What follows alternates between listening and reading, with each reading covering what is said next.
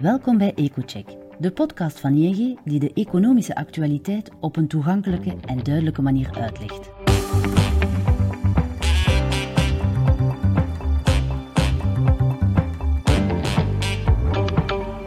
Om de twee weken buigen onze economen zich over de meest besproken gebeurtenis en analyseren zij de economische en financiële gevolgen voor u of uw onderneming. Vandaag is uw gastheer Peter van den Houten, hoofdeconoom bij ING België.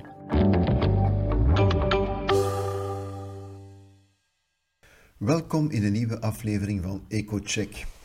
In de vorige aflevering van onze podcast bespraken we de perspectieven voor de Belgische arbeidsmarkt in 2023. De veroudering van de bevolking zorgt voor een meer structurele krapte waar niet snel verandering in zal komen. De voorbije jaren zijn er onder meer door de pandemie nog een aantal andere zaken structureel veranderd, zoals de bevoorrading van de economie. Waar vroeger veel bedrijven een just-in-time model hanteerden, waarbij ze zo weinig mogelijk voorraden aanhielden, was er de laatste jaren een tendens om voor alle zekerheid terug meer voorraden aan te houden. De vraag is in welke mate dit een gevolg heeft voor de conjunctuurcyclus. Daar gaan we in de komende minuten wat dieper op in.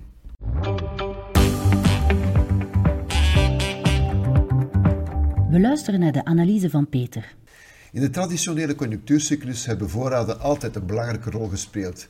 Wanneer de finale vraag aantrekt, zullen bedrijven meer voorraden van intermediaire goederen gaan aanleggen om er zeker van te zijn in de komende kwartalen voldoende te kunnen produceren. Dat zorgt ervoor dat bij een aantrekkende economie de sneller stijgende voorraden een bijkomende stimulus aan de groei zullen geven. Omgekeerd kan een plotse inzinking van de eindvraag tot gevolg hebben dat bedrijven met onverkochte voorraden komen te zitten, waardoor ze in de periode daarna minder zullen produceren en eerder de voorraden zullen trachten af te bouwen. Dat zet dan weer een domper op de economische groei. In de laatste twintig jaar hebben de voorraden in de eurozone soms een vol procentpunt aan de jaar op jaar groei toegevoegd, maar er zijn ook kwartalen geweest waarbij de voorraadafbouw de groei met liefst 1,5% verminderde. Voorraden zijn dus zeker geen, belangrijke, geen onbelangrijke factor in de conjunctuurverwachtingen. Nu is het wel zo dat door de globalisering van de wereldeconomie en de sterk geïntegreerde toeleveringsketen bedrijven steeds minder voorraden gingen aanhouden, het zogenaamde just-in-time model. Men was, er immers van, men was er immers zeker van dat men uh, snel op een veranderde vraag kon inspelen, omdat men ook zeer snel bevoorraad kon worden. Dat heeft de facto de invloed van voorraden op de conjunctuur wat verminderd. Maar de pandemie heeft de kaarten grondig dooreengeschud. Ineens was men niet meer zeker van de vlotte toelevering uit het Verre Oosten en begonnen er overal tekorten van essentiële onderdelen op te duiken. Denk maar aan de auto-industrie die zeer moeilijke jaren heeft gekend door het gebrek aan microprocessoren.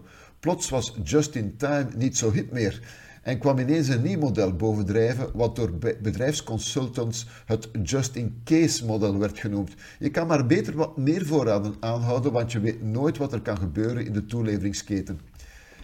De pandemie had dit probleem nog duidelijk verscherpt, verscherpt door een veranderend cons consumptiegedrag. Consumenten die in lockdown zaten en niet op restaurant konden gaan of geen buitenlandse reis konden boeken, gingen niet alleen meer sparen, maar vooral meer goederen kopen. Elektronica, fitnesstoestellen, spullen voor binnenhuisinrichting of de tuin, de consument kon er niet genoeg van krijgen. Maar dat zorgde dikwijls voor schaarste en lange wachttijden. Dat heeft heel wat bedrijven ertoe aangezet om kost wat kost hun voorraden te gaan aanvullen. Men omschrijft dit soms als het zweepslageffect of opslingereffect. Het komt erop neer dat uit vrees om in de toekomst niet aan de vraag te kunnen voldoen, bedrijven meer voorraden gaan aanleggen dan ze in feite nodig hebben. We zien dat onder meer in de omzetcijfers van de sector die zich bezighoudt met opslag en diensten aan transport. Die is sinds de pandemie heel sterk gegroeid.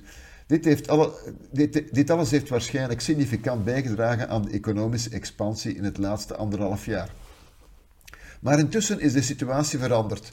De disrupties in de globale toeleveringsketen raken geleidelijk aan opgelost. Maar tegelijkertijd is ook het consumentengedrag gewijzigd.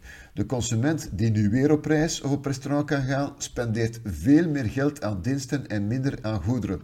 Zo zien we bijvoorbeeld dat e-commerce aankopen in het voorbije jaar gedaald zijn na de gigantische expansie tijdens de pandemie.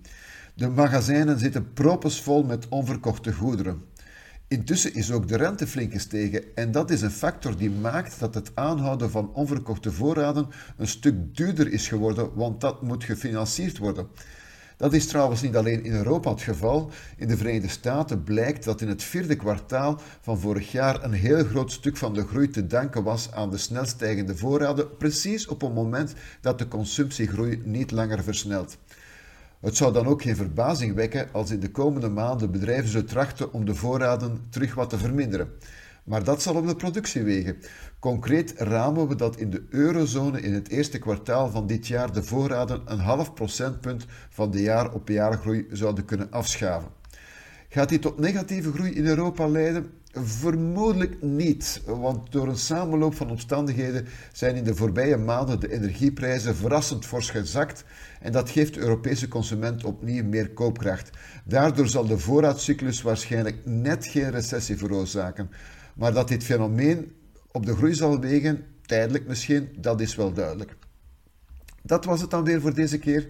Bedankt om te luisteren en hopelijk tot ziens. Zo, dit is het voor vandaag. Bedankt om te luisteren naar deze aflevering. Aarzel niet om onze EcoCheck podcast te volgen, zodat u geen enkele aflevering hoeft te missen. Wilt u meer weten over economisch en financieel nieuws? Ga dan naar ing.be-mijn-nieuws en ontdek alle analyses van onze econoom.